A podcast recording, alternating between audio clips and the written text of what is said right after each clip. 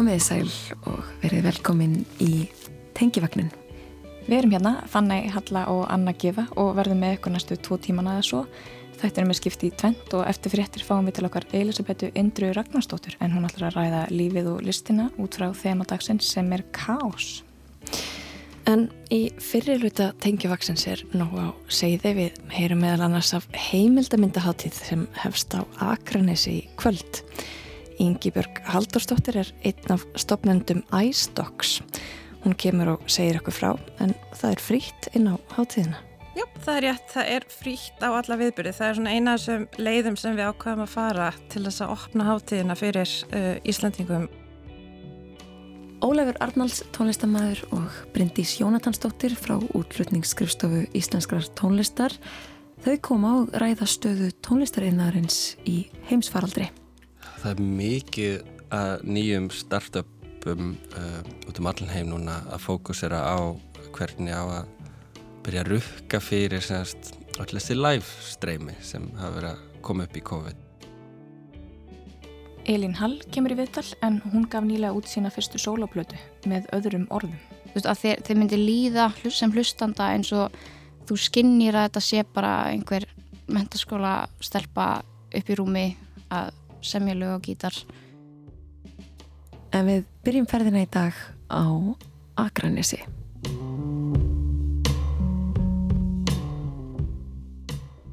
Við höfum aðeins verið að tala um heimildamindirina í tengjavagninum og, og nú er að fara á stað heimildamindaháttíð á Akranesi í kvöld sem kallast iStocks og hjá mér er sest Ingiberg Haldurstóttir sem er einn af stopnendum háttíðarinnar. Velkomin Ingiberg. Já, takk fyrir það. iStocks, þetta er ekki gömul háttíð? Nei, þetta er í annarskipti sem við höldum háttíðina.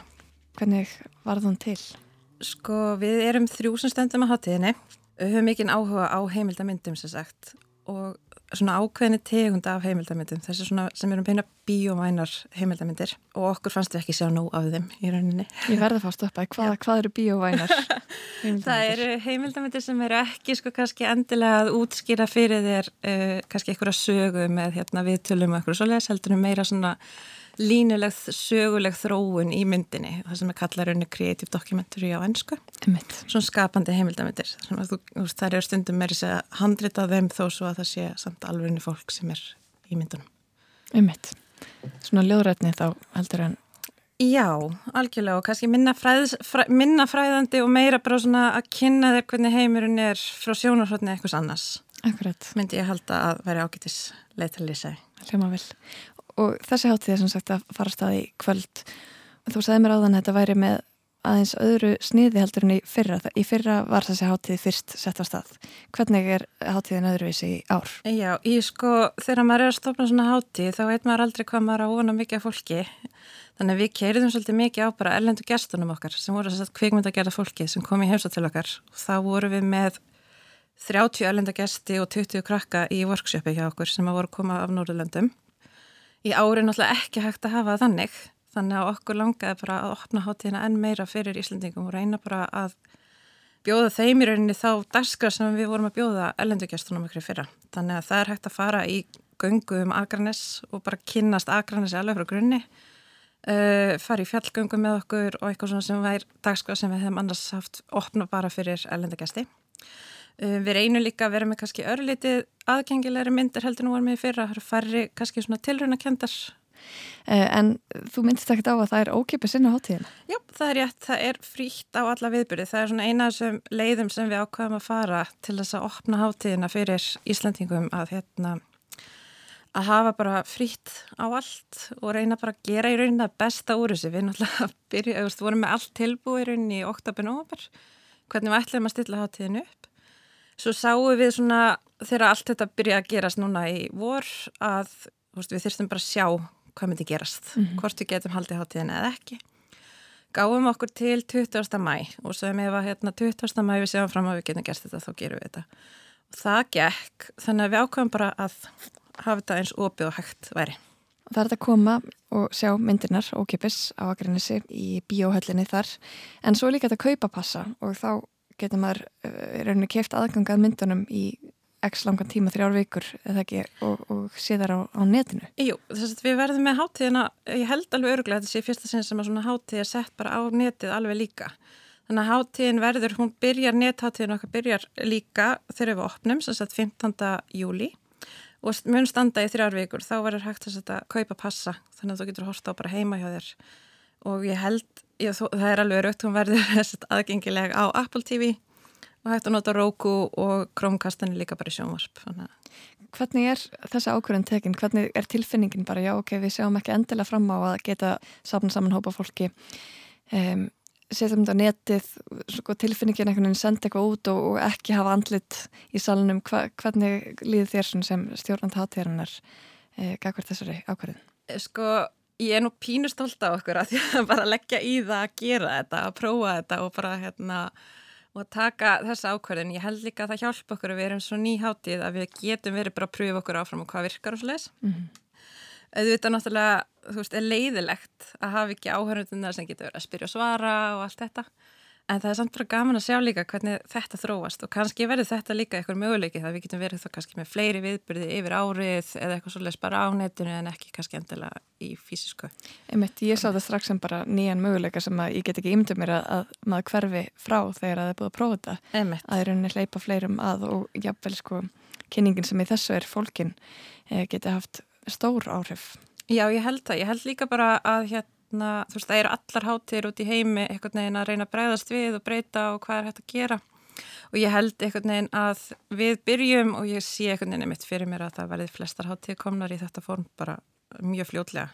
Mm. Það líka bara að maður fer á svona hátir eins og okkar er rosalega þjætt dagskrá og maður stundin langar að maður bara fá sér puls út í sjópu og hefur ekki tíma til þess að fara kannski alla myndirnar, það er rosalega gott að geta bara gengt og sagt ok, ég horfa þess allavega heima. Og gott að hafa samtalið þryggja vekna ramma svo maður treynið að gendalist og gleymi svo. Emitt, það er nákvæmlega málið.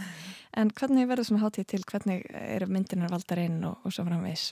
Já, uh, þetta er náttúrulega heil mikið prósess sem fer í allavega svona hátíð, sérstaklega þegar hún er með þetta alþjóðlega, uh, að þessa alþjóðlega hlið Við erum þess að sagt tryggjamannateimi sem erum í því að horfa myndir, við fáum sendar inn myndir líka. Þess að fólk getur senda okkur myndir þess að skoða og, og, og ef það langar að sí, sína þar hjá okkur. Og svo erum við líka bara að leita að myndum aktíft bara út um allt. Svo er bara rosalega mikið stríð á millokkar að hérna díla, hvað að reyna að koma sinni myndi að og hérna og svona maður fyrir að halda með þeim svolítið svo þarf þetta líka að passa saman. Það er oft, þá er maður kannski með tvær frábærar myndir en það eru bara líkar. Þannig að maður getur ekki valið þær báðarinn, maður þarf þá önnur hvort þarf þá eitthvað að gefa eftir. Ég var að renna yfir dagskrána hjá okkur, hún er verulega safarík. Svo ekki sem meira sagt og eins og þú segir þetta eru mjög fjölbreytta myndir og ég skil alveg hvað þetta við. Þið hafa greinilega eh, haft það svolítið í huga fjölbreytileikan, það er ekki það er ekki þetta að segja að já, neins sé alveg eins og önnur. Við erum að tala um, já það er mynd sem fjallar um ljósmyndara með anoreksíu, við erum með kynseinunglinga í Svíþjóð, um, Banksy, uh, Lessons of Love fannst mér mjög áhugaverð. Getur þú sagt okkur aðeins frá einhverjum, já hvaða mynd, svona, já, hvaða mynd kom frá þér til dæmis? sko ég get sagt þér alltaf fyrsta myndi sem við völdum er hérna Marcian Lynch A History. Hún var alveg svona allra, allra fyrsta myndin og stundum eða tekur það langan tíma að taka ákverðin um sko, um leiðarfærðin að velja fyrstu myndina þá velur einhvern veginn allt út frá því.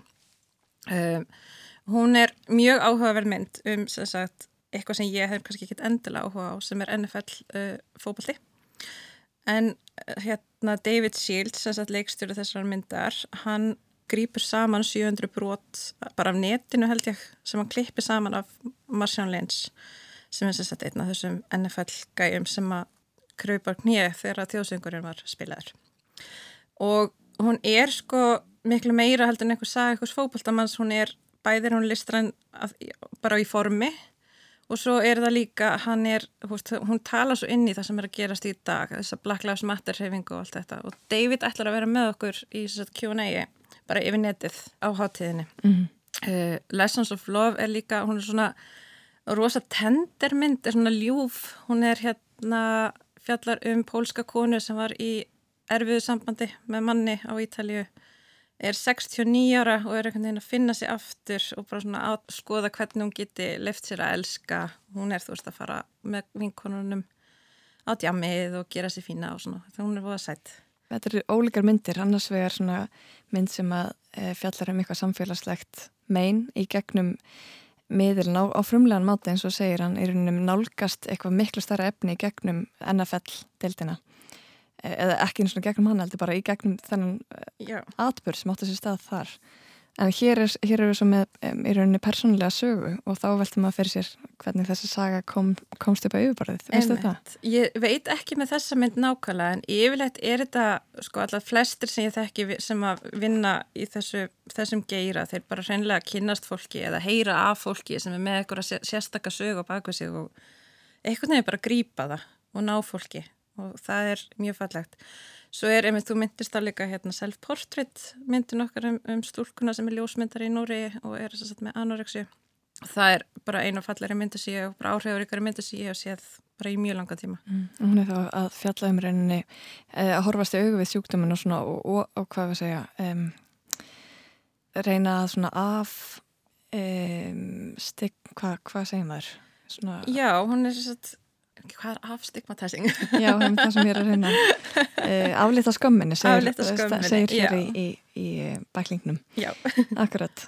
Hún, Já, hún er þess að, að reyna svona að hérna bara opna augu fyrir sjúkdómnum sínum og það sem við höfum líka reynd að gera þegar við erum að velja svona myndir er að velja ekki myndir sem sína fólk endilega sem fórnalömp heldur svona myndir sem gefa fólki bara sterkar rödd. Akkurat, svona valdeflandi myndir. Já, algjörlega, frekar, af því að oft er hægt að horfa fólk út frá einhverju skrítnu sjónarhóttni sem er alls ekki rétt, en veist, í þessu tilfelli til dæmis kemur þetta bara beint frá henni. Mm.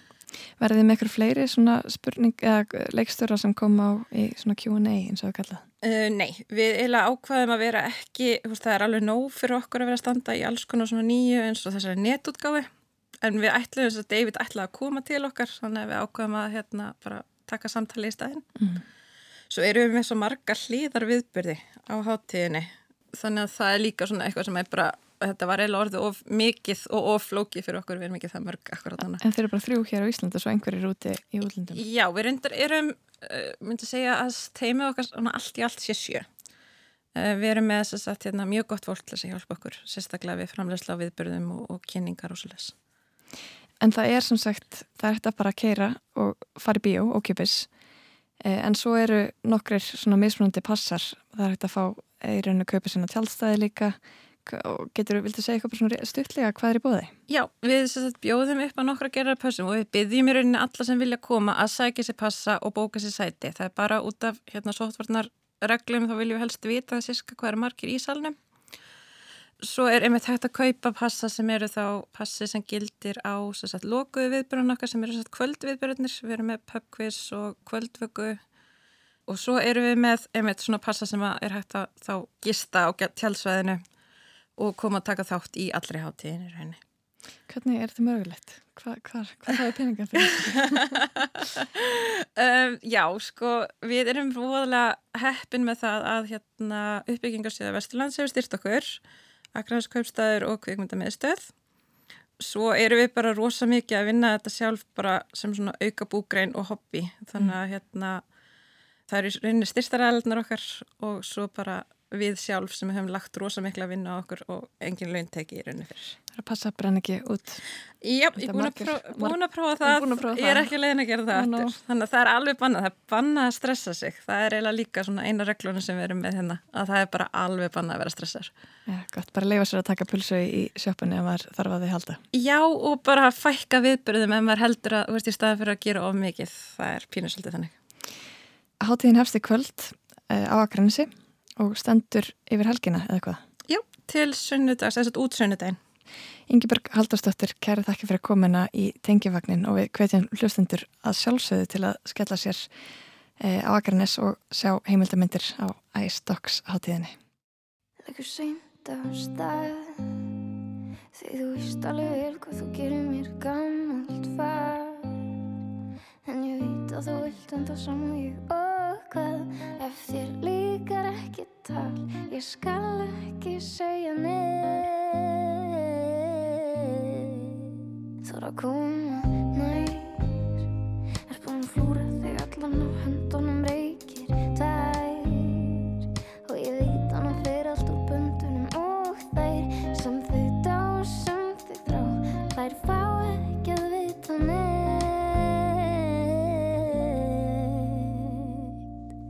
allt sem að augun mín sjá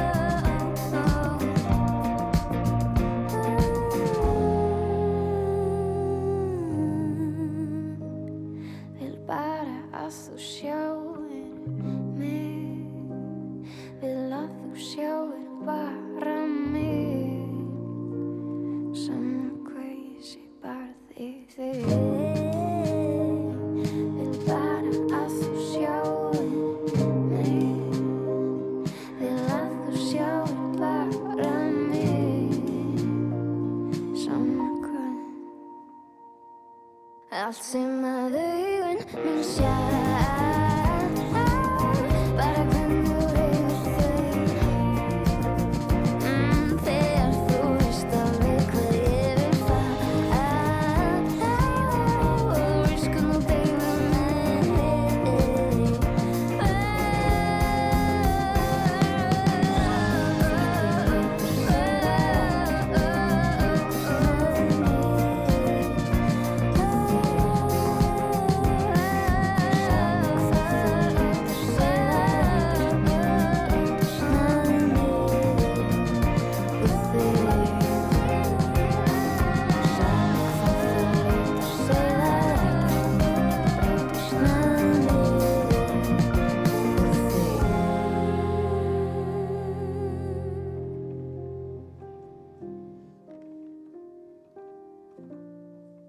Þetta var lagið Augun mín með Elínu Hall.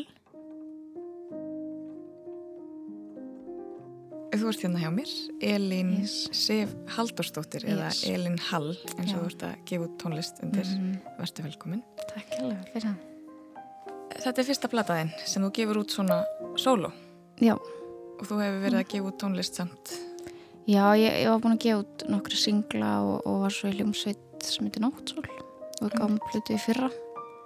Þannig ég var svona búin að prófa þetta svona hérna bílskura band uh, stúsið allt og erfiðin að gefa út plötu.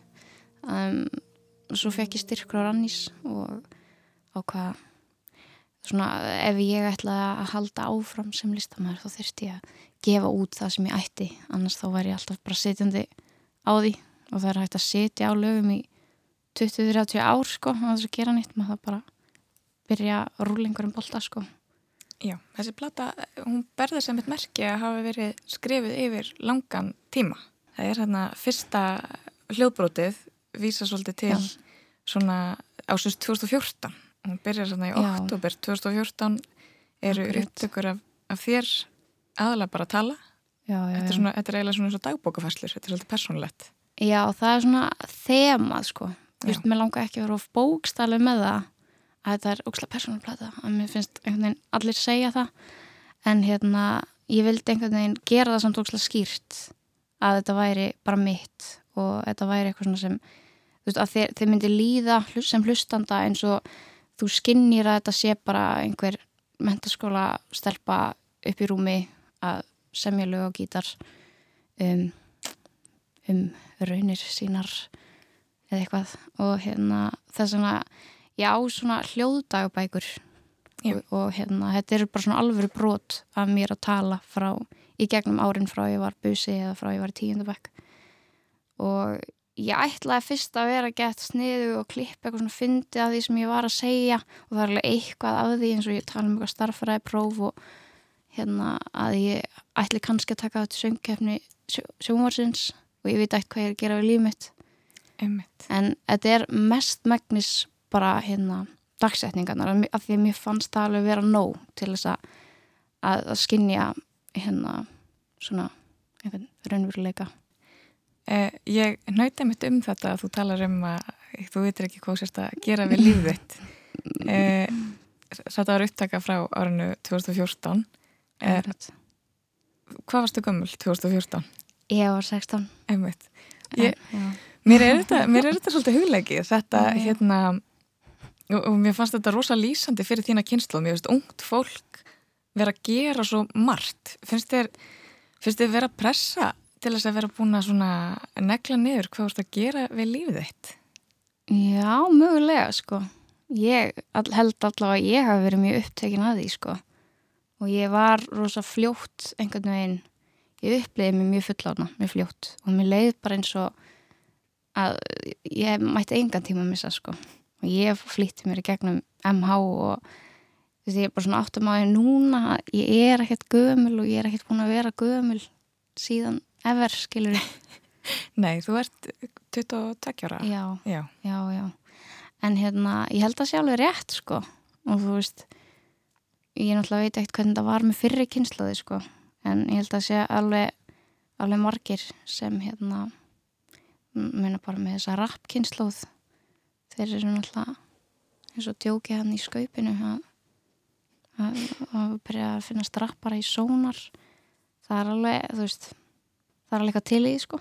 Ég held sann sko fyrir mig þá var það líka bara svona þörf til að dokumenta þennan tíma sko. Þú veist, mér langar alveg ennþá ég, veist, ég, ég átta mig á því að ég hef alveg nógan tíma og, en þetta er útrúlega, þú veist, áhugaverð ár um, og ég held að allir öllum finnist þetta eitthvað svona áhugavert að gangi gegnum úlingsárin og ég var rosa, þú veist, ég tók alveg tilhlaup og þú veist, ég var alveg að býða eftir að vera úlingur og svo byrja ég að skrá niður, þú veist, alla tilfinningarnar á meðan. Um, og ég ætla alveg ennþá að gera það þegar ég er að, þú veist, fara á elli þú veist, eh, eftirlaun og hérna, eða þegar ég eignast börn eða eitthvað skilur, þú veist, að halda áfram að skrásetja þessa tíma. Ég held, hérna, amma mín er rithöfundur og skrifaði mjög mikið um úlingsárin sín.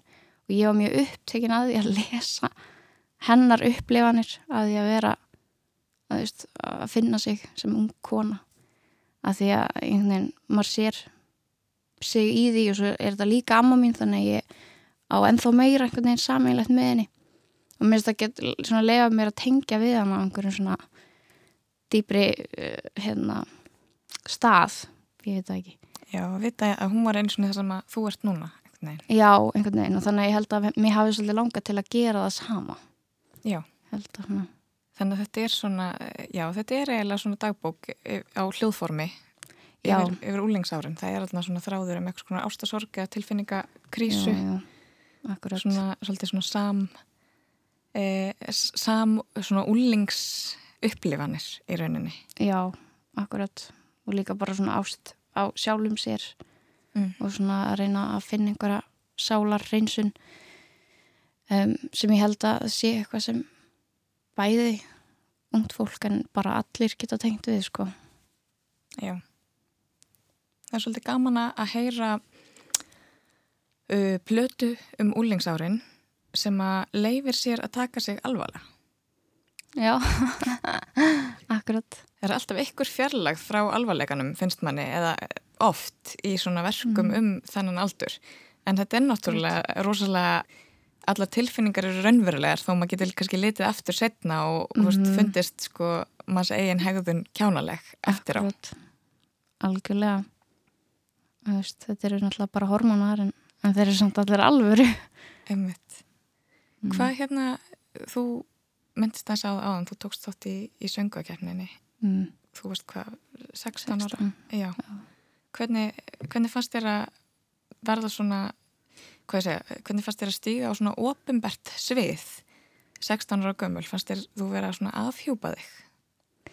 Nei, ég held ég hef bara voða lítið átt að mig á því hérna einhvern veginn hvað ég var að gera sko og ég gæti einhvern veginn og ég man að því að Björn Jörgundur var að keppa á saman tíma og ég vissi ekki hver hann var sko. Og hérna svo kemur hann eitthvað að tala við mig og er eitthvað hérna ég öfunda þig að því að þetta er svo auðvelt fyrir þig því að þú, þú veist, þú hefur ekkert mannorð að halda uppi, þú ert alveg ný. Og þú veist ég, þetta er miklu erfiðar fyrir mig að vera hérna. Og ég náttúrulega vissi ekkert hver hann var sko ég, en hérna ég held að það sé samt alveg rétt. Og mér fannst þetta þess vegna ekkert ekkert rosalega erfitt af því að ég veit ekki. Ég held að gaggrinin, svona sjálfsgaggrinin hafi hitt mig setna í lífinu sko. Þú veist, ekki, ekki þegar ég var svona ung og allt var bara frábært og Júruvísson og bara glimmir og þetta var einhvern veginn, ég var bara með stjórnir í augunum yfir þessu, en svo var það bara búið þú veist, Já. og ég var alveg fengið tilbúið um að fara aftur í þessa keppni en ég veginn ég var bara búinn með þann kapla og ég held ég að fengið allt sem ég mögulega gatt fengið út úr því. Kynntist ógislega mikið á tónlistafólki og, og baldunni setta sem ég fór sem að leika fyrir. Og einhvern veginn þannig að ég hef aldrei fengið þörfunum til að fara tilbaka á stökkpallin minn. Ég bara er úrslega þakklátt fyrir þessa keppni sko. Herðu, þú myndist hérna aðeins á áðan. Eitt punkt sem að mm. mér langar aðeins að fara mér langar að kafi. Þú, þú sagðir mér hérna í svona framhjálplaupi hér áðan að þú verður oft spurð að því hvort að kærastiðin væri að semja lögin þín og, og kærastiðin væri yndur eftir þessu líka.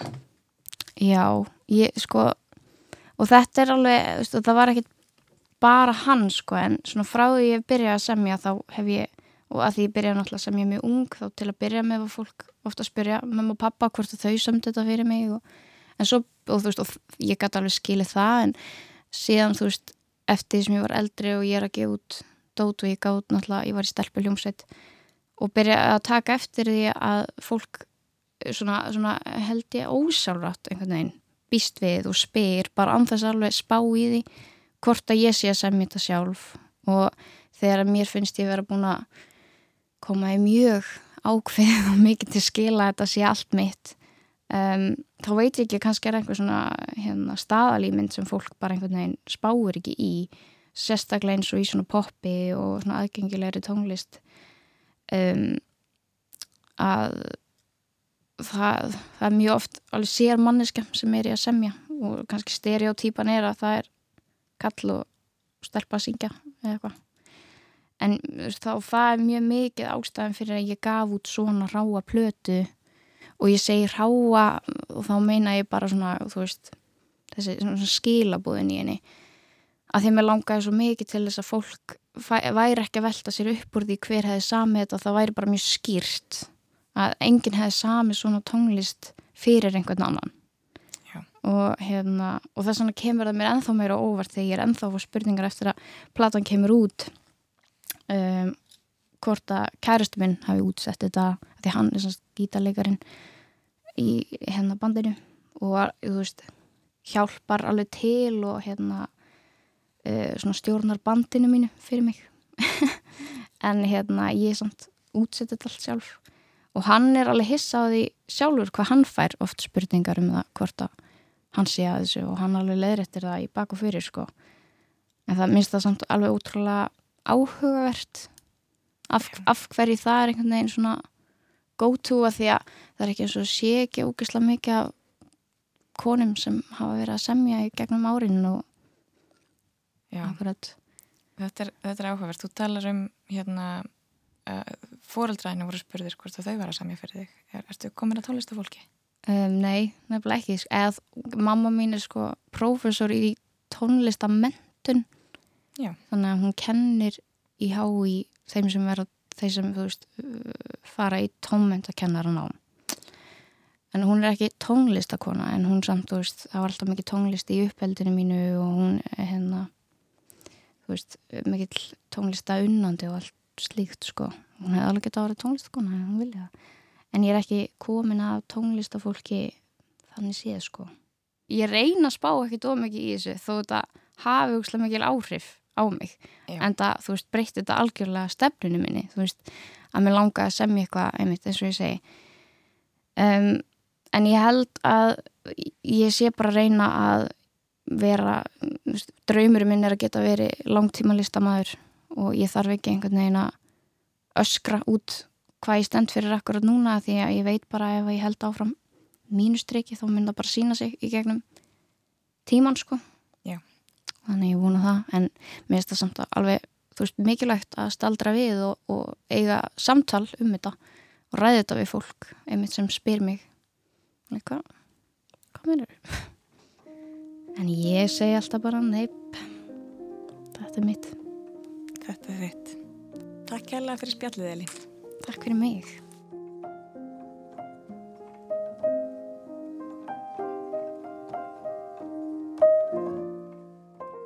Þetta var Elín Hall en hún eh, gaf nýlega út plötuna með öðrum orðum og á hana alveg sjálf.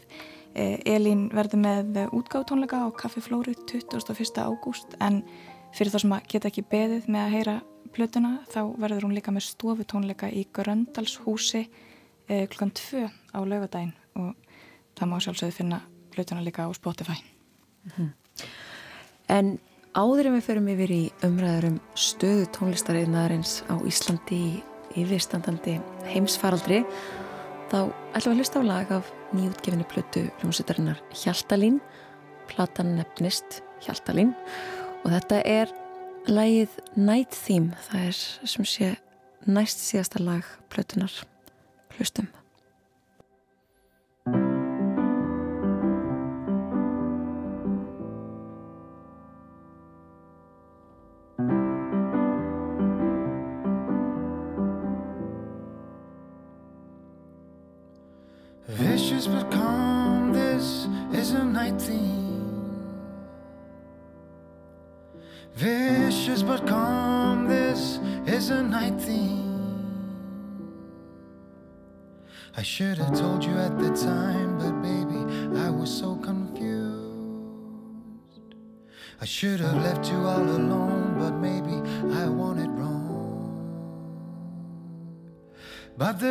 did sustain, and so did the pain. It looks a little low to me, I guess we'll have to wait and see. Nighttime nothingness, the weight of its emptiness. Crystals on a stone, an hour since you said goodbye.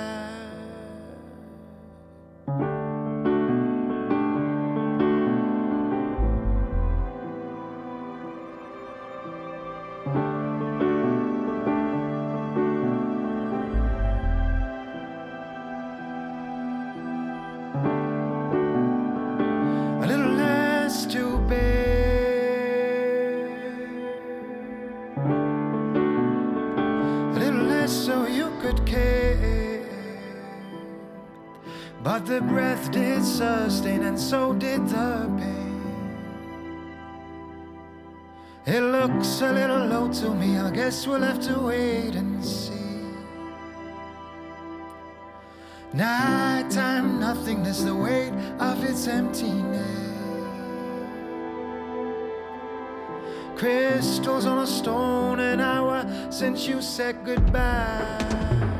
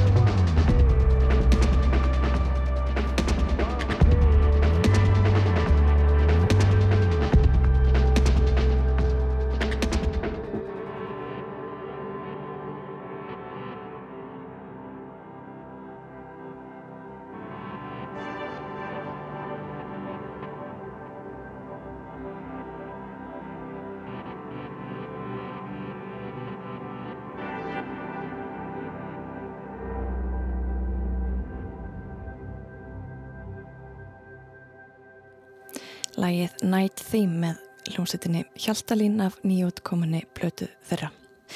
En nýlega var gefin út skýrsla um áhrif COVID-19 á íslenskan tónlistareðinað og hingað eru komin Bryndis Jónatansdóttir verkefnastjóri hjá Útón, útflutningsskrifstofu Íslenskrar tónlistar og Ólafur Arnalds tónlistamæður. Velkomin til okkar. Kanski bara til að byrja með Bryndis, þessi skýrsla, hvað kom til að þið ákvaða að leggjast í þessa vinnu og, og í hverju fólkstun? Já, þetta byrjaði raun og verið bara þannig að, að þessi sagt, uh, samtök og skrifstof sem kom að þessu byrjuði að taka saman voru að heyra mikið frá tónlistafólki fólk sem vinnur í tónlistariðnaðinum og hvað að taka saman svona helstu þættina, helstu áskoranina sem við sáum að fólk er að standa fram fyrir. Og svo eiginlega vata bara upp á sig eftir því sem við tölum við fleiri því svona starra í raun og veru varðað og svo á endanum þá voru bara konið með efni skýrslu efni í alveg stóra skýrslu og okkur fannst það mikilvægt málumni vegna þess að þetta var kannski ekki mikið rætt og mikið talað um áhrif á allskyns aðra greinar en fyrir tónlistina þá ég raun og verið bara datt botnin úr bara á yfir nóttu. En hver er munurinn á áhrifum á tónlistarinnaðin og, og aðrar skapandi greinar? Ólar, þú getur kannski svarað því. Um, tónlistafólk er náttúrulega algjörlega háð því að miklu leiti allavega að, að margir komi saman í litlu rými og, og, og jáfnvel sé að syngja saman og öskra í einhvern samiðinlegan mikrofón sko. Þetta er svona eh, fólk talar ofta um sko þetta var fyrstu staðinni til að loka og þetta verður síðustu staðinni til þess að opna aftur upp. Og þó að við séum hérna mjög heppin á Íslandi og eru farinir að staða aftur tónleikar hér þá er bara mjög langt í að það gerist í, í flestum löndum heimsins og flest tónlistafólk á Íslandi sem hefur að því fulla atvinnu að vera tónlistafólk er fólk sem vinnur á alþjóðlum vettfangi mm -hmm. Er það líka háð ferðalögum og, og öðru? Já, það er raun og veru marg sem kemur kannski, ég er kannski einn af þeim sem er mjög háður þessum alþjóðlega vettfangi og þá snýst þetta ekki eins og bara um hvað maður setja marga inn í eitt lokað rými heldur líka hvernig ætlar að fara á milli landa oft eru við kannski í London í kvöld og Brussel á morgun og svo Mílan á hindaginn sko. mm. þrjú lönd og þrejum dögum er ekkert að fara að virka í dag og allt í nöðu þurfum að setja fimm daga á milli tónleika og þá er þurfa að eða peningi, þú veist, hótelherbyggina er svo margt svona, svona lógist sem, sem hindrar það að tónleika ferðarlög geti átt sér stað þótt að kannski einstök lönd séu byrjuð að geta opna fyrir tónleikum það er í raun og veru bara eitt allserjar krass að, að gerast í, í tónlistreininanum í dag tónleikastæðir út um allir heimir að fara á hausin bókunar, skrifstofur byrgjar, þetta er bara allt að hrinja í dag sko. Núna þegar lýsir þessu svona bara, þetta er svona hamfara lýsing Já. Bara þetta mér strax í hug eitthvað svona e, bara hverjulbiljir eða, eða bara fönex eða bara svona eldsvoði og þá hefur ég hugsað veist hvað er eitthvað sem að e, bæði þá kannski hefur komið fram með viðtölum í skýrslinu eða sem að þið eða þú e, hefur hugsað til eitthvað sem hefur komið á óvart sem svona burðar stólpi sem hefur staðist hverfylgbilin, eitthvað sem er svona, já, herru, þetta er allavega eitthvað sem er alveg pottitt. Streymið, náttúrulega, í tónlistinni eh, heldur sér, það er ekki aukist, það er ekki minga heldur, það er ekki aukist svona eins og Netflix hefur aukist, sko, mm -hmm. en, en það er kannski það tónlistafólk sem er það heppið að fá einhverja tekjur af spilum tónlistarinn á netun eins og Spotify og, og, og slíku, það fær það, er tekjur áfram, um, en já, flest annað er farið fyrir nefn sko, í byli. Þannig í tvala. En Bryndis, þið leytinu aðeins á uh, svona mögulegar úrlausnir. Getur sagt okkar aðeins frá uh, þeim pælingum? Já, í raun og veru að það komið fram uh, alveg þó nokkuð margar tilhugur og við skiptum þeim í raun og veru upp í þrend. Við erum með neyðarstóðina og það er eitthvað sem er mikilvægt bara að kíkja á strax og svo eru stöðjandi aðgerðir sem er meira varðandi uppbygginguna í yðinæðinum Uh, og síðan er það aðgerðir innviða sem er meira það sem að stopnaðunar og umgjörðin í kringum tónlistariðinaðin getur gert hjá sér og í raun og veru eru fann að skoða allar þessar þrjá, þrjá hérna, hluta. Og þegar þú talar um innviðina, getur þú út, út listað svona hvaða Já. fólk það er? Já, nákvæmlega, það er meðan annars um, eru það þessar, hérna, þessar aðeila sem koma að skýslunni, þar eru við með stef, um, við erum með úttón tónlistabólkina Reykjavík FIH uh, sem er í raun og veru semst, þeir sem eru hérna, þetta er eins og hvað fer bara fyrir tónlistafólk. Og svo er SFH líka og FHF þetta er mikið af skamstöðum uh, og það er sem sagt þarna erum að ræða til dæmis fræðslu og bara stuðning við uppbyggingu í þinnaðinum við erum með alls konar verkefni þar á meðal hana, fyrir viðskipta uppbyggingunni það var að byrja með Firestart alltaf með sér fyrra sem var svona viðskipta hraðall En ef við horfum bara til eh, annara landa eins og nákvæmna landa okkar, hvernig hefur verið bröðist við eh, heimsvaraldrinum þar í tónlistabransunum? Uh, já, það hefur verið svona aðeins örfiðsi heldur en hér. Til dæmis í Danmarku þá var settur upp sagt, bótasjóður sérstaklega fyrir sjálfstættstarfandi og listamenn sem ætti að sækjum í og þá fór þetta ekki gegnum aturlauskerfið eins og það gera hérna þannig að það var ekki þessi stoppari. Það bara ef þú hann að félst undir hérna, þessar skilgreiningar þá fegstu í raun og verið bara þessa bætur. Og það sama var gert fyrir fyrirtæki. Og þar á meðal þessi tækni fyrirtæki og sjálfstæðstarfandi tæknifólk og um, tónleika staði og fleiri og fenguð bara styrk fyrir semst kostnaði. Þá bara ef maður gæti sínt fram okkar kostnaðurum var þá gæti maður fengið semst 80% af því um, greitt frá, frá ríkinu. Og svipað sem við gert í Þýskalandi þá bara settur upp stór sjóður til þess að standa undir semst kostnaði menningastofnana og fyrirtækja tengt menningu. Þannig að það er eitthvað sem að, hana, veist, það hjálpar í raun og veru fyrirtækjanum og þá listafólkinu líka að veðrastormin. En hafið þið tekið eftir eitthvað svona ný sköpun tengta í rauninni þessum, e, þessum aðstæðum sem við erum í núna? Það er mikið að nýjum startupum uh, út um allan heim núna að fókusera á hvernig á að byrja að rukka fyrir allir þessi live streymi sem hafa verið að koma upp í COVID. Nú, nú getum við ekki komið saman á tónleikastað en, en tólistafólk hefur verið mjög döglegt að senda tónleika á netinu út heima úr stofu eða, eða jafnvel að fara inn í tóman tónleikastað og bara spila og senda út á netinu. Það eru mörg fyrirtæki við erum að skoða þetta með núna ég og mitt teimi uh, og það er, það er svo mörg ný streymis fyrirtæki að við veitum ekki eins og hvað við höfum að byrja að velja, velja okkur sko, hva, hvernig við höfum að vinna með.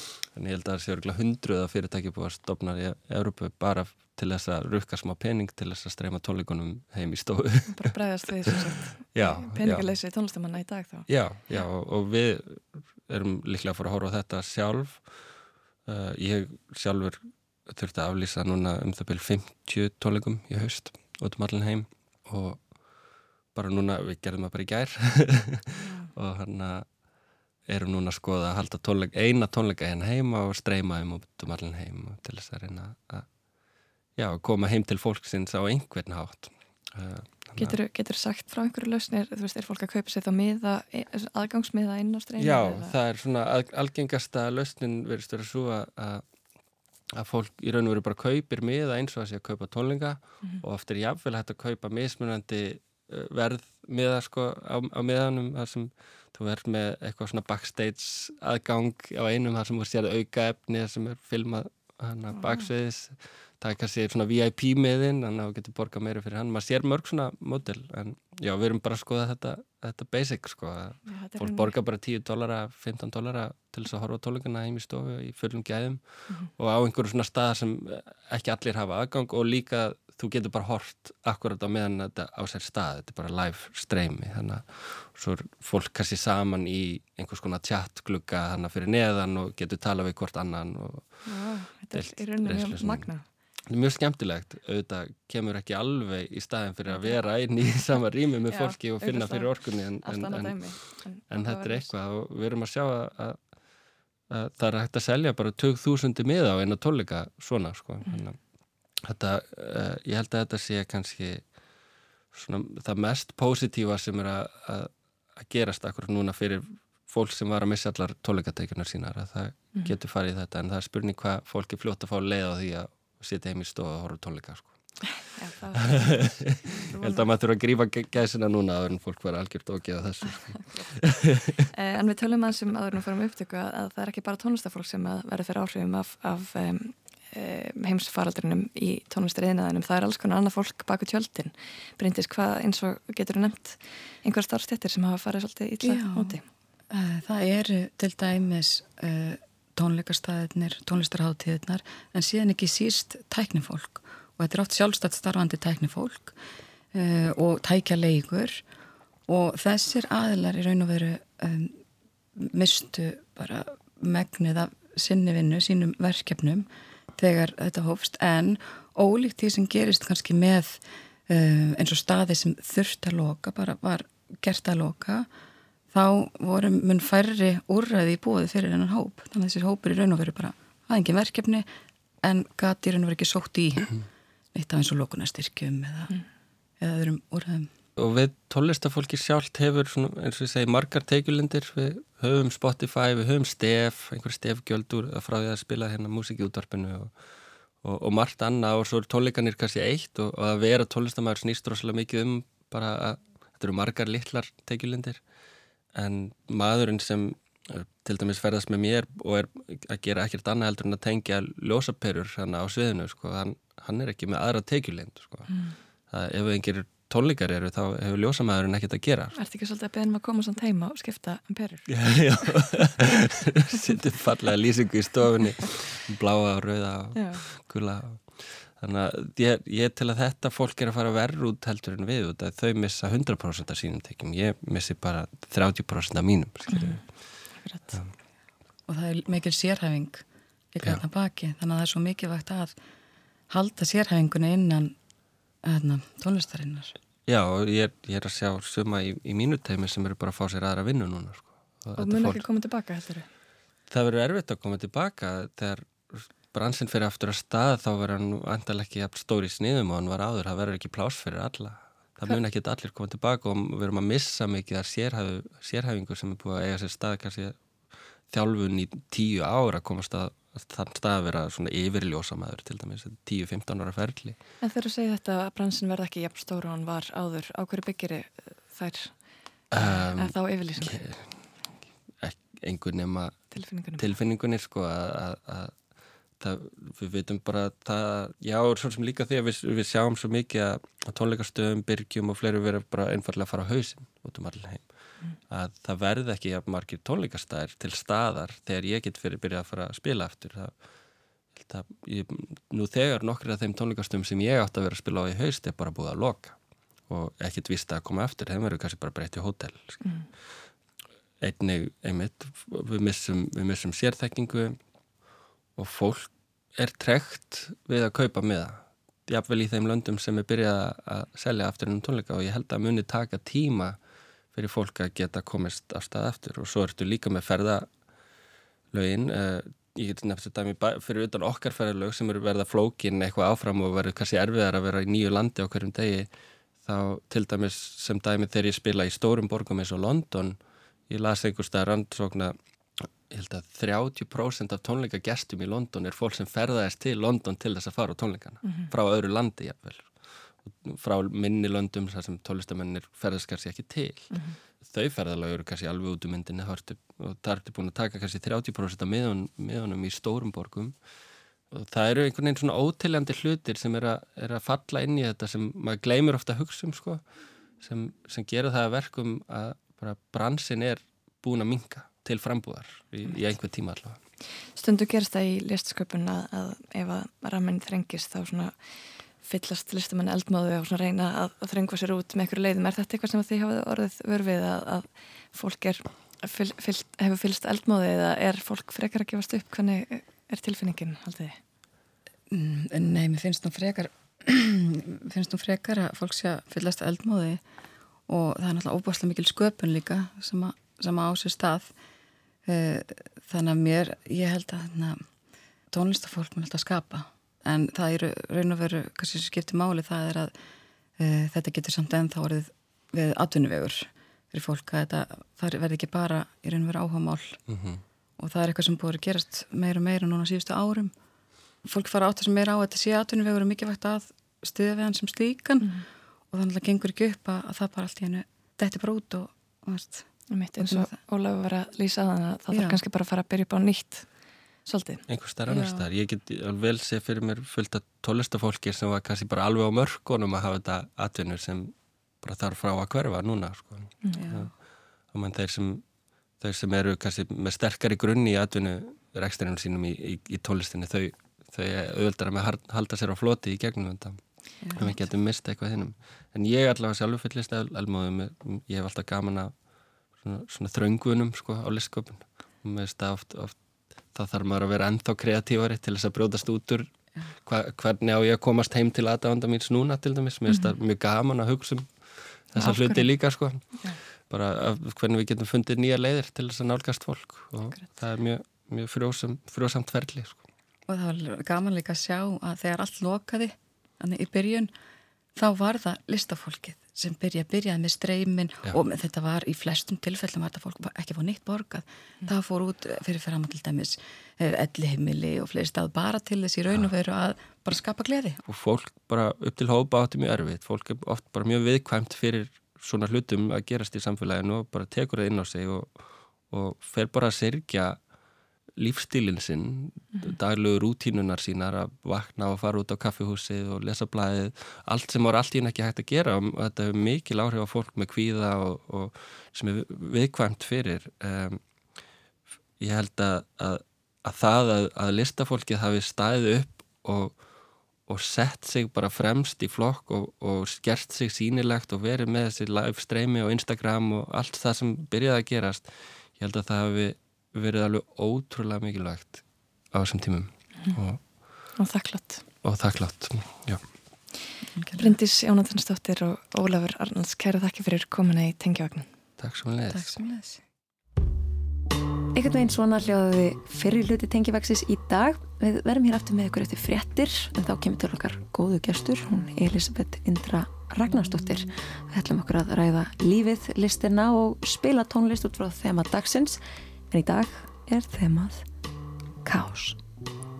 Heyrumst aftur fréttir.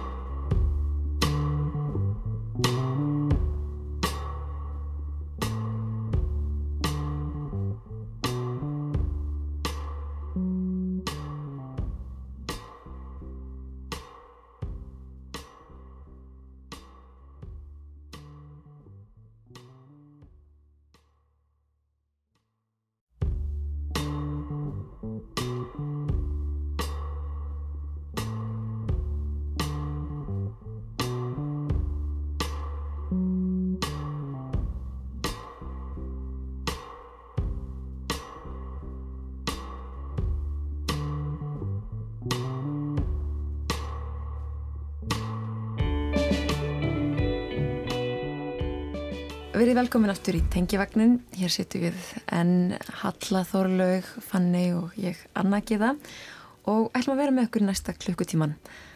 Gestur þessa síðari hluta þáttarins er Elisabeth Indra Ragnarstóttir, dagskrargerðarkona, tónlistakona, listakona og já, ímislegt fleira. Hvernig tillar þú þig, Indra?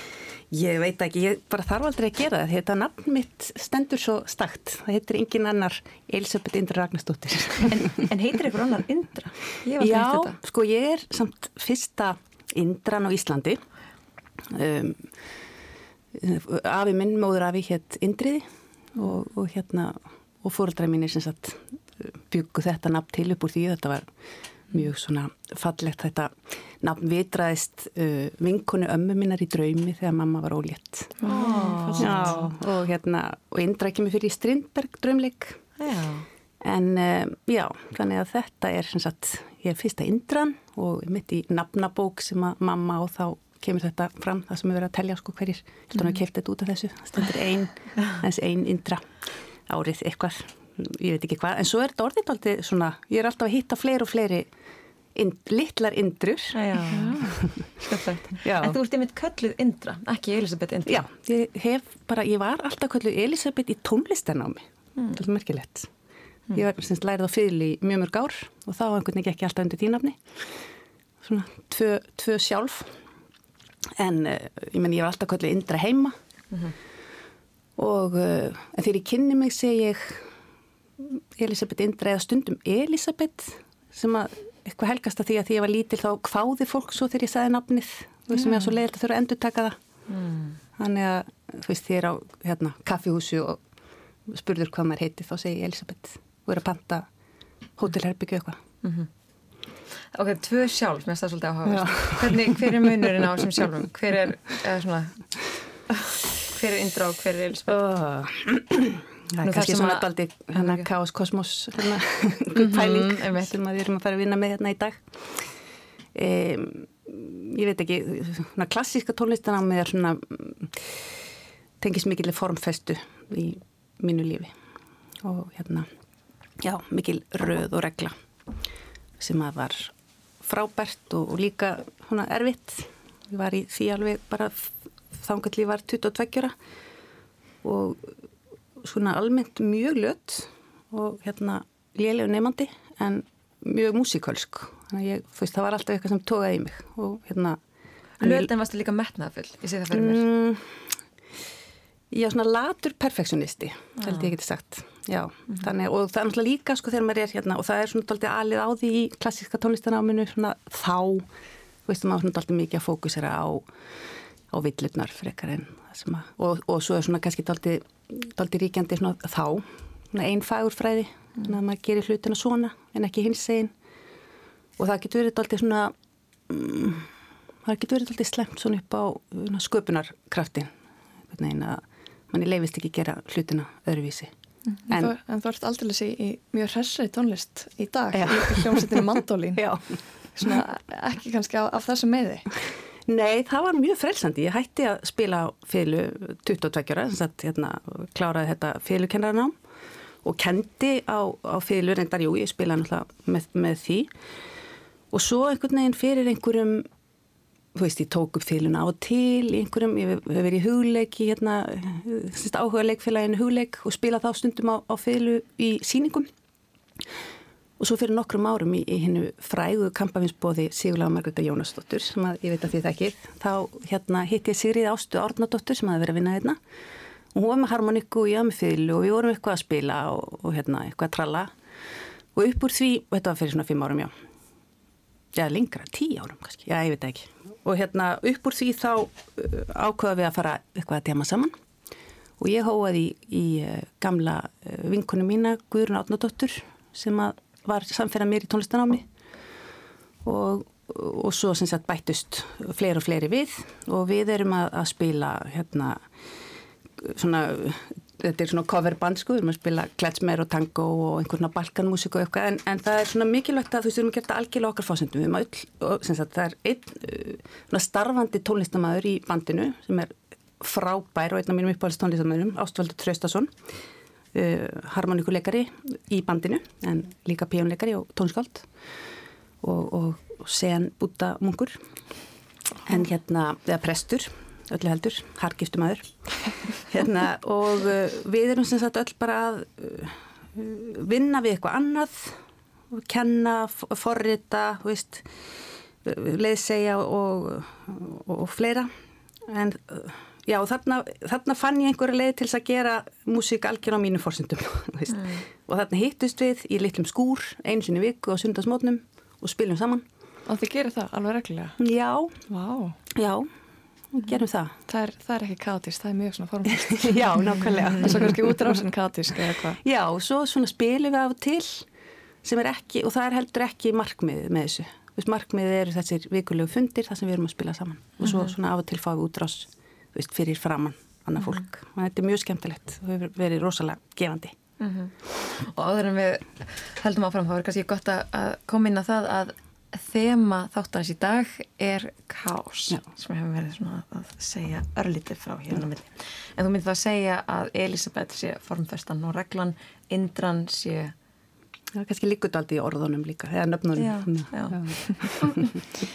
En af því að við völdum þema í sammenningu og, og hérna og þú valdir lög, er það ekki upplægt að heyra fyrsta lagi, viltu segja ykkur hvaða lag þú valdir?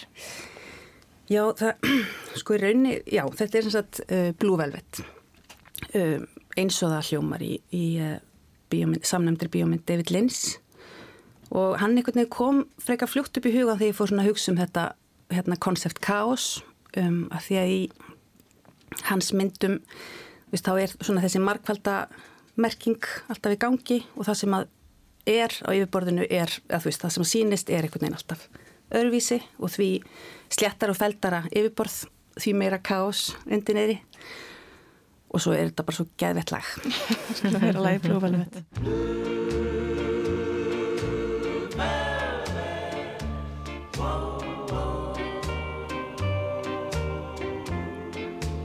She wore blue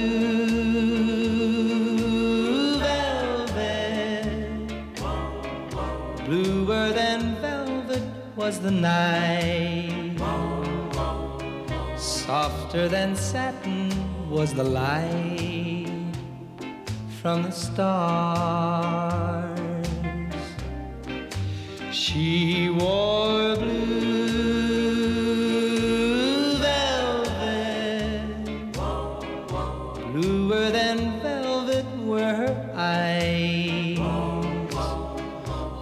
warmer than May her tender sighs. Love was ours,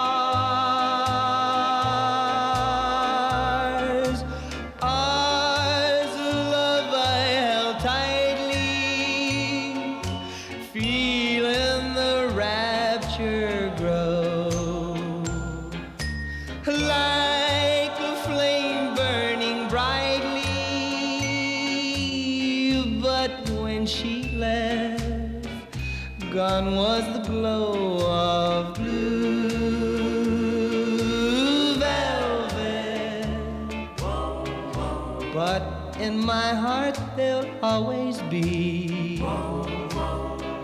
Precious and warm a memory through the years,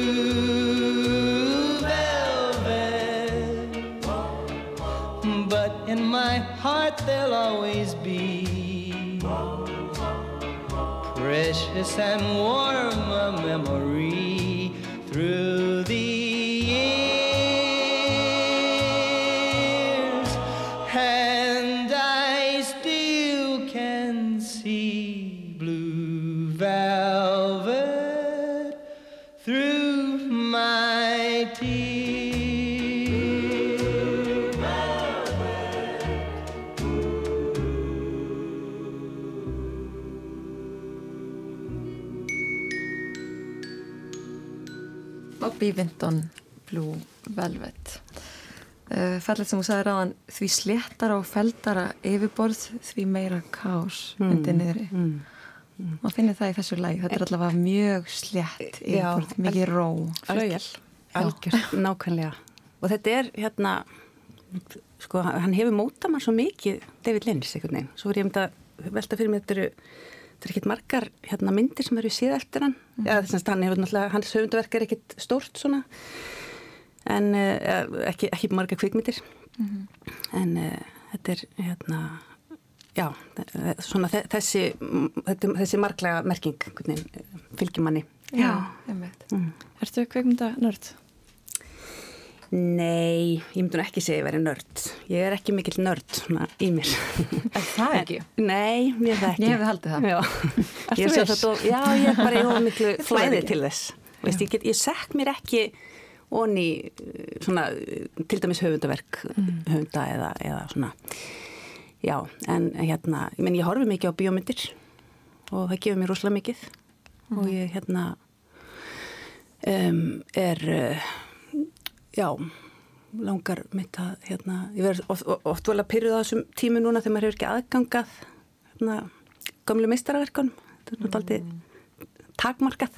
Ertu að meina át því að vídeolegur eru ekki lengur til? Já, og bara einhvern veginn Netflix er farin að stjórna svo mikið okkar áhóri Akkurat, Þá er maður að fá sér uh, þessar, um, þessar öðruvísi streymisveitur. Mm. Criterion Collection og Mubi. Mm, Já, Það finnum maður þessar já, gömlu. já, Það er slutnið já, en það er samt alltaf verið að takmarka. Þú veist, maður getur rétt, ekki sem maður ekki gert á. En aðalvídeolegan er reyndar en þá til, sko. Þannig að maður er eitt að fara Já. stefna þangað oftar um, Kaos. Mm. Hvaða hlutverki myndið þú segja að kaosið, kaosið gegni í þínu lífi Elisabeth Indra? Uh, ég veit ekki, ef þið kemur heimtímin og sæju mig þrýfa, þá held ég að ég svona átti ykkur á svona mínu kaotíska uppleggi því að íbúin er alltaf alveg eins og eftir sprengjáros við klíðum, að því einhvern veginn byrja á einum stað og byrja rosalega vel að þrýfa þar og svo vantar mig einhvern sápulög og fyrir í skáp og þar er allt í drasli og ég hérna Vá, ég tengi Já, þetta, er, þetta er mjög erfiðir dagur, ég er alltaf alveg löður sveitt í lókdags þegar ég tek svona virkilega en stundum ákvæði nú ætla ég bara skúra og ekki gera neitt annað. Mm.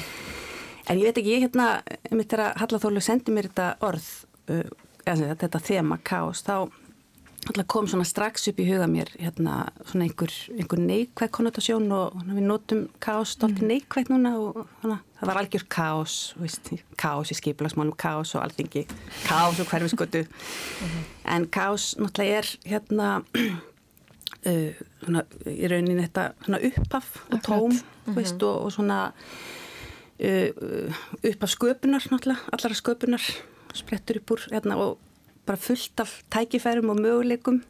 Sem kallast kannski svolítið á stöðunum sem við erum í dag í þessum heimsfaraldri, það er svo allt einhvern veginn í uppblús. Nákvæmlega, nákvæmlega, einmitt. Og þá, ein, já, nákvæmlega. Og, og einmitt í hérna og, og maður eigir alltaf voni minn eins og í kjölfar hérna efnagsraun sem sér þegar maður einhvern veginn hugsa já, nú fara hlutinnar að breytast. Veist, nú er einhvern veginn búið að snúa öll og kvolf Mhm. og nú einhvern veginn getur við fara að hugsa hlutin upp og nýtt. En svo einhvern veginn eru alltaf svo hrætt við þetta óþekta við leitum í sama farið. Orðræðin er líka þannig, bara hver, hvenar geta hlutinir orðið, orðið eins og þeir voru. og við vitum, þeir voru kannski ekki góðir en við vitum allavega hvað við höfum. Þekktum þá. Já, já, þannig að hérna Af því það er þægilegt á einhvern tímpunkt að vera í kaosinu en svo ekki. Nei, nei, einmitt. Það er mikið um mótsagnir Já, akkurat, það er alveg rétt. Er alveg rétt. Getum að vera óttalaus í kási? Ég, sko, ég held þetta snú ymmið, þú veist, að því að svo er þetta líka einhvern veginn að inn í innsæið er það ekki og svona magan og, og hlusta það sem að svona, innri viskan getur sagt manni sem að við hérna erum nátt aldrei að bæla veginn.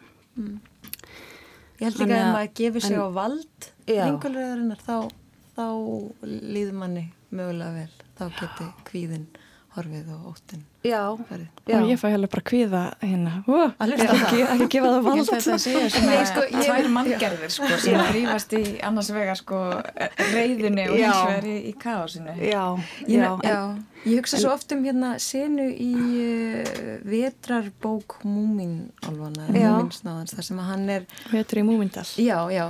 Það sem ég held að sé múminsnáði sem er uh, fastur í snjóstormi og hérna bara algjört káos í kringum hann. Mm. Hún líður hræðilega og í gegnum allar tilfinningar, öskrar, reyður, pyrraður en svo eitthvað neginn, það er ekki fyrir hann gefur sig á vald snjósins og stormsins og lætur mm. sig bara detta mm -hmm. að þá eitthvað neginn, þá bæði fer stormurinn að, að um, í bókinni dansar stormurinn við hann vinnum mig og, og leiður hann heim að því hann er týndur í storminum og, og ég hugsa oft um þetta bara mm. já, einmitt, að gefa sig er kannski svona mismunandi aðstæður sem að stundum er þetta svona eitri aðstæður sem að þetta er svona veist, að reyna að stjórna aðstæðanum eða, eða átt að segja á því bara ég hef ekki stjórna því sem er að gerast í kringum mig á ég að standa kjur og býða eða mm. á ég að einmitt bara fljóta með þeim, já, sjá hvað gerir um. Já, já, einmitt Hvað gerir þú, Indra? Þegar ég, þegar ég er í hérna, að taka til heima mér. Geðu okkur eitthvað meira kassandi. Þú tekur til í káss lífsins þegar að óreðan þegar óreðan, já. Um, já, þá tek ég til. Gerir það bara bókstallega einhvern veginn kemur reyðið á umhverfið mitt mm. það er það sem að einhvern veginn hjálpa manni til þess að hérna, stöylast áfram í þessu lífi. Um og ég veit ekki, ég er ekki með svona einhvern veginn, kemur ekki neitt strax upp í huga mér, nei það er kannski líka þetta er náttúrulega bara fyrr eins, eins og við erum að tala um eftir aðstæðunum, hvað við erum að kljást við hvernig er best að takast á eitthvað á sig Já, einmitt.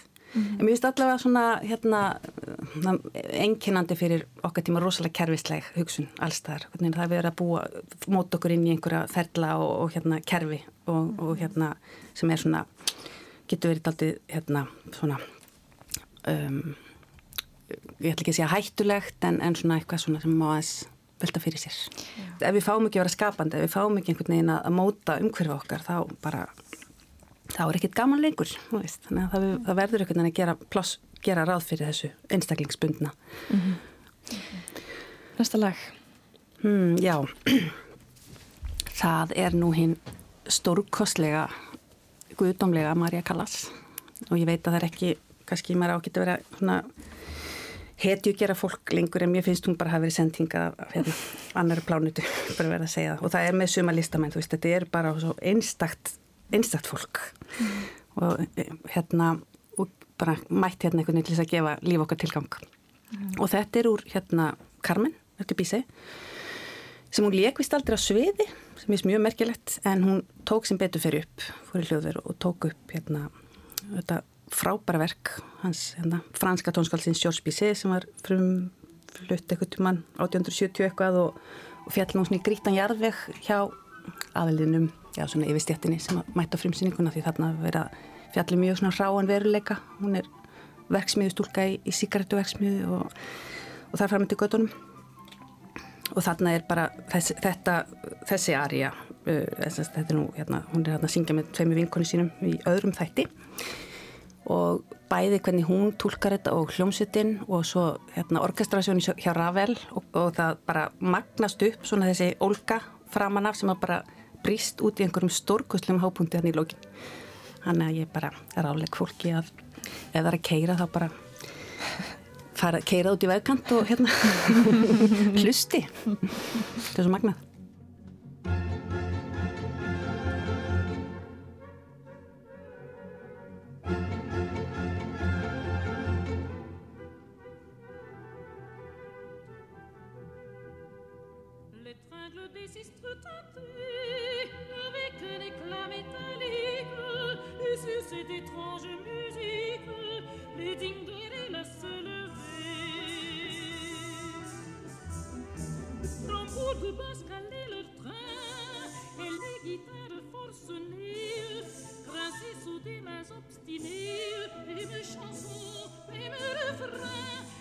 Himmel scheint.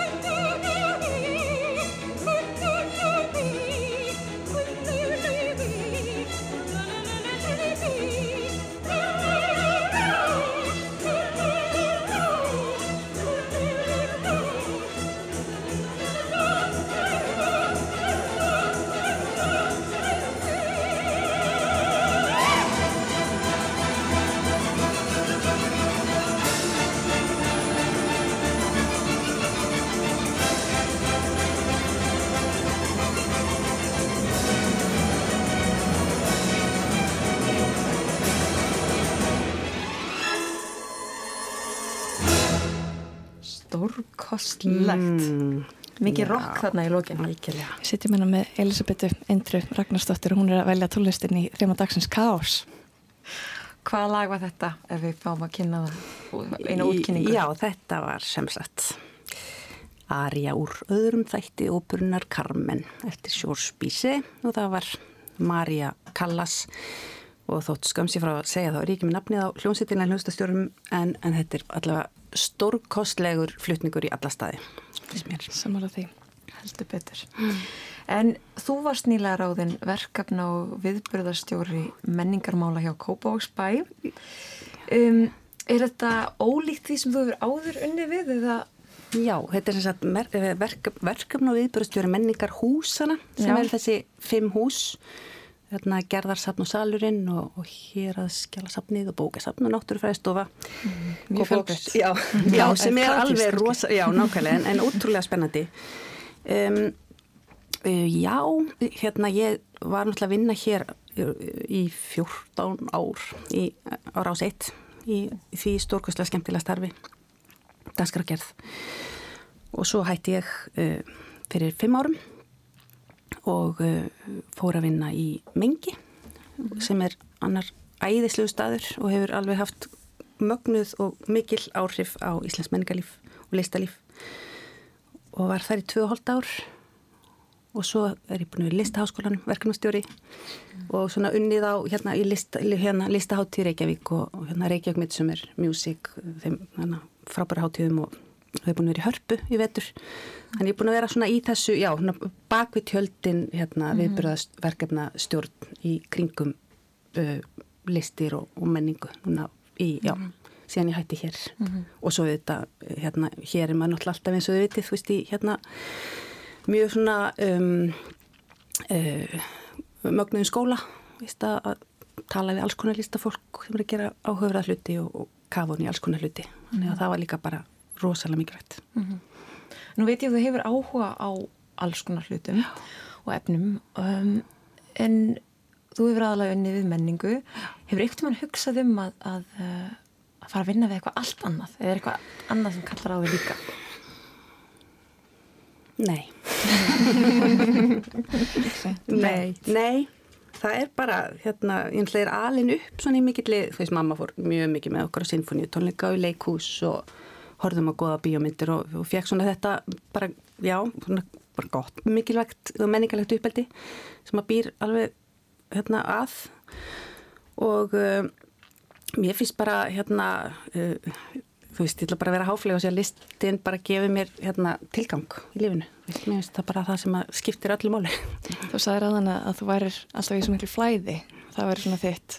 Það hljómar þannig líka svona þegar ver, velur e, þér starfsvettvanga, þú svona kannski bara lætur svolítið, já, lætur að gerast, er, já, er það rétt skilið? Já, það er, það er, það er algjörlega þannig. Ég hérna er ekki mikið svona í, í markmiðasetningu sem er kannski ekki gott, ég veit ekki, veist, en ég er bara svona, já, flæðið aldrei áfram, veist, og, og svo finn ég eitthvað, hérna, en ég minna, já, já, veist, þetta er auðvitað, þetta, hérna, starf hér, þannig að við dagskrafgerði er náttúrulega alveg bara geggjaðslega skemmtilegt starf, þannig að það var, það var erfitt að segja skilja við það, það voru ákvæmlega ástöður sem letið þess, mm. en hérna, en svo auðvitað bara finnum maður einhvern annan farveg.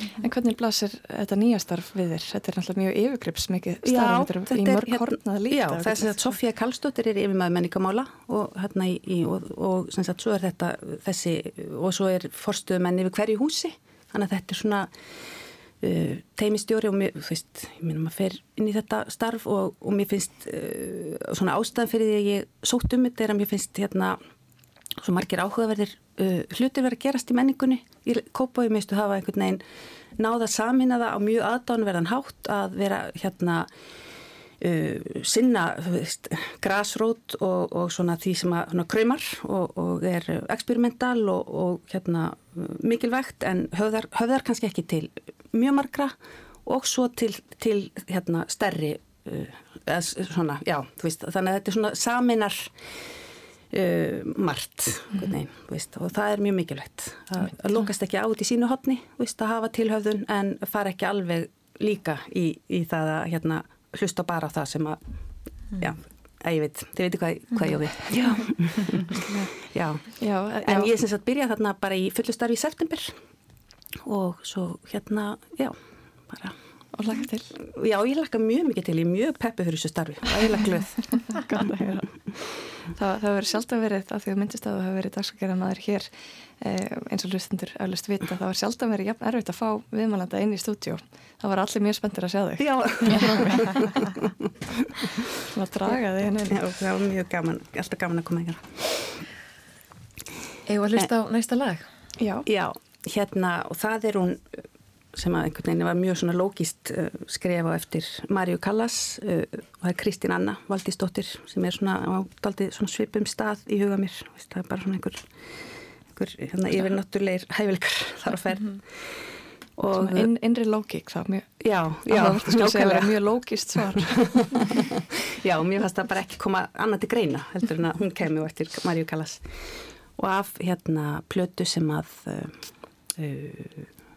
þetta er Beller Glamour Records gaf út sem að hérna, Ragnar Kjartansson og Ingebjörg Síðunstóttir hafum sjón með uh, og þetta eru lög sem að hérna, hafa verið saman á lungu tímabili uh, á hérna, blómlegum ferli Kristínar Önnu og eins og hún hefur nú sag, sag, sjálfsagt frá í viðtölum þá barðist hún alveg hataramlega eða svona ötulega gegn því að þessi hérna útgafa platta kemur út. Það þurfti mikið að þrýsta á hana að draga hann inn í stúdíu og, og koma þessum meistarverkum svona til skila sem að betur fyrir gerðist. Um, og kannski mætti platan fara að herra því hún er algjörlega gegguð og um, það var svona ég hefði geta valið raunni hvaða lag sem er á sér blötu og þetta var náttúrulega hún hefur mikil svona mengis listamæður kom mjög, mikil, mjög oft fram í mengi og að gera en ég líka tengi þetta mikið þann, þann tíma. Skulum heyra lagið Forever Love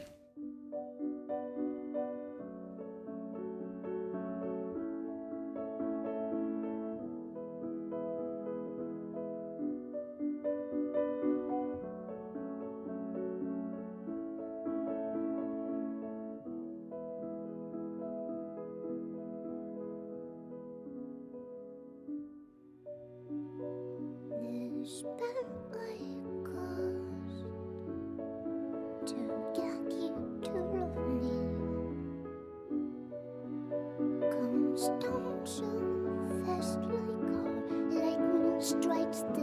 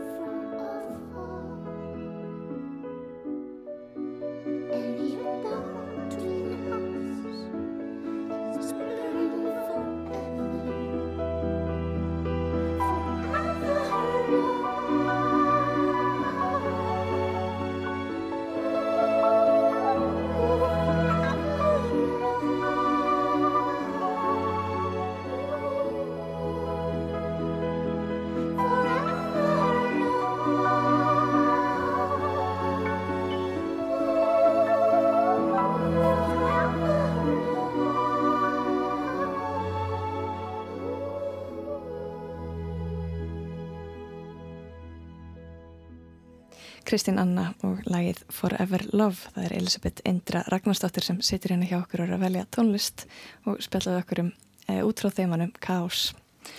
Þetta var náttúrulega mjög kaotíslag eða hvað? Um, og ekki leiðandi spurningi yeah, sko. Já, einmitt, ég, nefnilega þegar ég fór að hérna, fór að hugsa um þetta út frá tónlist sagt svona í upphafi þegar þú sendið mér þetta hérna, uh, þetta koncept, þá fór ég einmitt að hugsa út frá svona glundróða og háfaða og, Mm. Og, það var til mis hérna uh, bandaríkska tónskóldi Charles Ives sem var svona frægur fyrir að, að búa til svona stefna saman mörgum sögum, veist, hérna það eru bara marga sögur í gangi og eira greinir ekki, það er svona, veist, algjör rauninni postmodernismi en hann er, veist, upp í lók 19. aldar og fram á 20. eða japanska háa tónlist eða hérna frítjas og, og þú veist, það sem er svona, já brjálæðar háfaði en svo fór ég meira að hugsa um þetta út frá svona þessu tómi sem vorum að tala um áðan og einhverjum upphafsreit og, og hérna og svona, svona innsægispælingunni og, og, og því þú veist að, vera með auða, auða bladið eða hérna og, og svona og skapa út frá því. Og, og það er aldrei þannig, þú veist, hún er svo, hún er svo tær, hún Kristín Anna, þetta er svo eitthvað svo beint og millilega löst og hérna gefandi.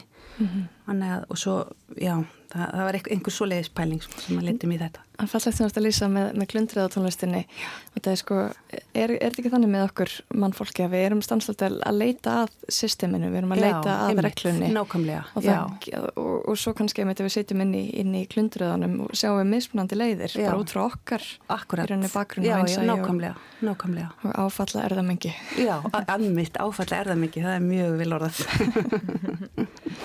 En hvernig er það varandi kaos og okkar samtíma? Um, það er oft talað um að ofgnótt upplýsinga, Mm. ofgnótt ljósmynda, reyfumynda, um, bara ofgnótt hins sínilega sem á orða og skoðana Mhm. lýsi samtíma okkar ágætlega. Mhm. Er þetta eitthvað sem þú tengir við? Já, guðminn góður, algjörlega, og það er alveg bara drukna og hérna, já, ó, ég veit ekki hvernig ég á að, hérna, og þess vegna, ég til mis, hérna, uh, bara hlusta eiginlega alltaf á línulega dagskrá. Ég held að, held að sé bara þessi þörf fyrir að sé verið aðeins svona velja fyrir mig úr, úr þessu hérna brjálaða upplýsingamagni. Já. og hérna og uh, og líka opna, þú veist, opna fyrir það sem ég vissi ekki hefði áhuga á allt þetta. En samt vilt ekki láta reitstýra streymisveitunum fyrir þig? E, nei, ymmi, það skiptir máli að treysta sínum kúrator, sko. Það er aldrei þannig, sko.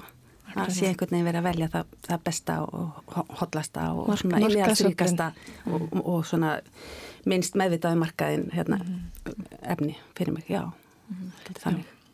En hvað þátt gegna samfélagsmiðlar í þínu lífi? Hafa þeir ná að, náðu að gleipa þig á tímabili og, og hvað ertu í dag þegar kemur að samfélagsmiðlum? Ég er náttúrulega, já sko ég hérna byrjaði á Facebook held ég þannig kringum hrunið og það fannst mér einhvern veginn rosalega mikilvæg miðil þá hérna svona einhver, einhver hérna, valdeflandi rödd almennings, vitið, og eitthvað svona mætum, mætum hérna hittus nýra á austuvelli eftir klukkutíma og eitthvað. Og um, já, svo hérna ég veit, jú, ég er nú kannski hallaræslega mikið á samfélagsmiðlum sko. og er á Facebook sem er náttúrulega mjög hallaræslegt Er það hallærislegt? Já, er það ekki? Ég veit ekki. En Búlingarnir segja það. Já, einmitt, já, já um, Já En þeir ég- alltaf að stjórna þeir ekki, þú ert ekki svona, um, að ég veit ekki, ég mér persónulega til dæmis dett oft inn í, ef ég er of mikið á samfélagsmiðlum þá, hvernig bara festist ég inn í rugglúpu og Já. þá virkilega vinn í því að tóra Já, mig jú, frá þeim og jú, ég, algjörlega, ég, ég finn alveg sko hvernig það getur gert mig deprimeraða sko, Mm. að fara inn á samfélagsmiðla og sérstaklega þegar maður kannski ekkit allt og res og, og, veist, og allar glansmyndinnar sem þar blasa við en þá kannski ágætt að hugsa um David Lynch í því samviki. En það er líka þar sem ég upplifi svo mikið kaos af því það ertu Já. í rauninni með þetta svona, svona e- fín byrtingamind fyrir kaos að skrolla niður er alveg rétt, og, hérna, og bara fá allar þessar sögur Já, í einu og já. því hraðar sem þú fer hratt þá bara er þetta eins og eitthvað sögur og sveimi og þú ert Já. bara í þessu upphafs kaos sem maður ímynda sér þegar jörðin var að myndast ég veit ég er að ímynda mér eitthvað smá samt- núna.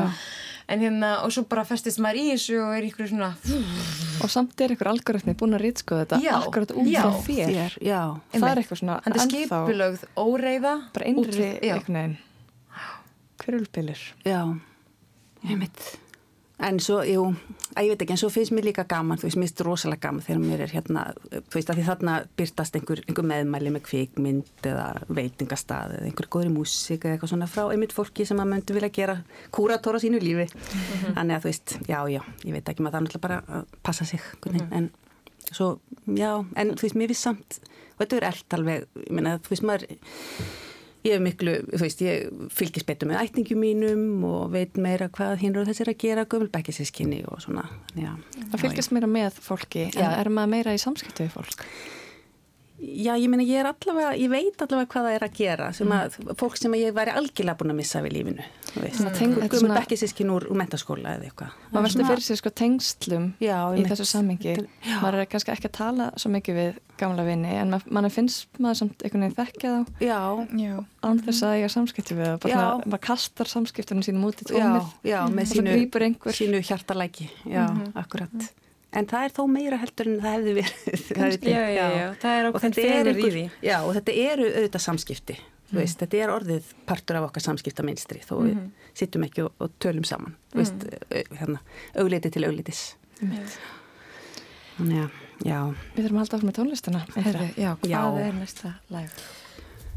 það er náttúrulega bara hérna uh, okkar stórkostlega björg Guðmundsdóttir sem er búin að bæta við fjórðu tónleikum núna í Eldborgi Hörpu.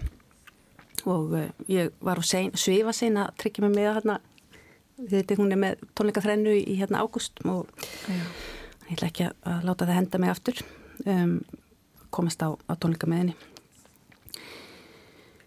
og ég meina hún er náttúrulega alltaf svona að, svona uh, spekla sig í þessu svona, uh, já, kaos, kosmos þú veist, og, og svona sköpunarkrafturinn. og uh, kannski valdi, í fyrsta lagi valdi ég þetta lag Hunter af Homogenic er þriða breyðskifenninnar, solo uh, af því það er bara æðislegt lag og það er bara uppbyggingin í því og bara þú veist, orkestrasjónin og, og útsetningin og pródúseringin og allt, það er bara allt algjörlega bara geggjað.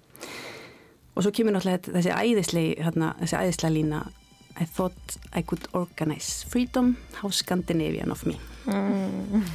Skilursta lagið Hunter með Björk Guðmundsdóttir.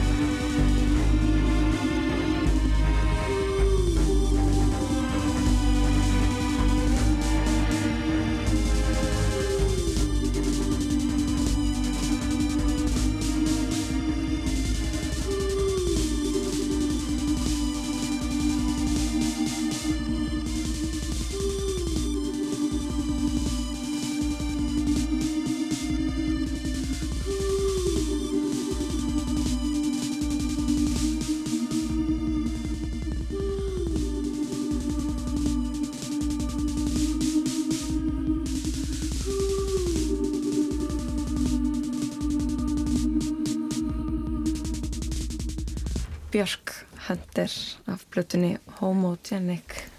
Elisabeth Indra þú sittur hér hjá okkur og velur tónlist út frá þemannu mm. Kaos. Mm. það er annað lag sem þú valdir sem að uh, er með Megas. Mm. Manni endist varla æfin hvað getur þú sagt okkur um þetta lag og þetta ljóð? Um, Þetta er lag og ljóð eftir Þorvald heitin Þorstinsson þann mikla og merkilega uh, listamann. Og um, þetta nú man ég ekki alveg nákvæmlega söguna með að hvenar hann, hvort hann samti sagt, lag, lög uh, bara á sínum uh, námsárum sagt, á sínum, hérna, þegar hann er út í Hollandi. Allavega þegar að hérna hann hann deyr þá er þetta lag og ljóð flutt í jarðaförun hans í tróðfullri Hallgrínskirkju af Megasi og skúlasværi sinni og, og hljómsveit. Og, eh, og, og svo voru haldnir eh, tónleikar og listaháttíð og svo kom út plata með lögum og ljóðum Þorvaldar Þorstinssonar og þá hann kom í ljós að þessi maður gæti allt. Menn hann var hérna, frábær millistamæður og frábær rítöfundur og eh, og, frábær lagahöndur og hérna og platan uh, sem að kom út og var gefin til mengi, hittir Ósumaljóð með uh, Megasi og uh, hvort hún hittir Ósæmileg hljónsveit og þar eru hérna Gíða Valdís og Óluf Arnalds og Skúli Sverris og Magnús Tryggvason Eliasson og, og bara margir af bestu tónlistumönnum landsins. Mm. Uh, og svo er hérna, líkur plötunni með uh, gömlu fluttningi Þorvaldar sjálfs. En uh, þetta er sem sagt, já lægið en manni endist var læfin og þú baðist mig um að lesa það. Ég er nú já. svona, hérna, pínu stressuð yfir því en ég ætla að reyna. Manni endist var læfin til að fylla þetta og falli þetta allt saman manni endist varla æfinn til að sverja þetta og svíkja þetta allt saman. Manni endist varla æfinn til að finna þetta allt sem fæstir sakna. Manni endist varla æfinn til að vakna. Manni endist varla æfinn til að ala þetta og urða þetta allt saman. Manni endist varla æfinn til að bana þessu og barna þetta allt saman. Manni endist varla æfinn til að brjóta þetta sem best var gefið manni endist varla æfin fyrsta skrefið. Manni endist varla æfin til að geta þetta ofan í sig allt saman. Manni endist varla æfin til að svelga þetta og sofa úr sér allt saman. Manni endist varla æfin til að þegjum þetta allt sem þurft að segja. Manni endist varla æfin til að deyja. Elisabeth Indra Ragnarsdóttir, kæra þakkir fyrir að koma til okkar í tengjavagnin og, og spjalla við okkur um já, hvað lífaði listina og ímislegt fleira út frá þeim mannu Kaos. Takk kærlega fyrir mig.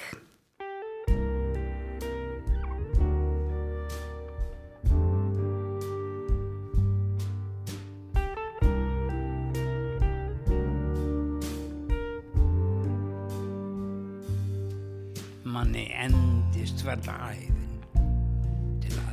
fylla þetta og falli þetta allt saman. Manni endist valla æfin til að sverja þetta og svíkja þetta allt saman. Manni endist valla æfin til að finna þetta allt sem fæstir sakna. Manni til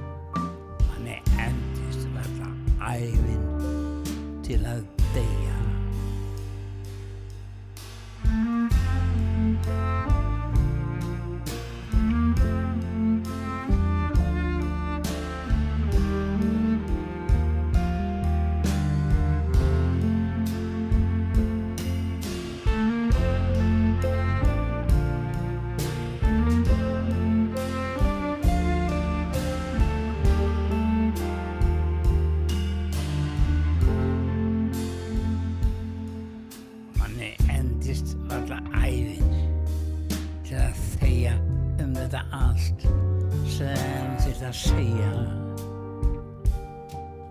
Manni endist varla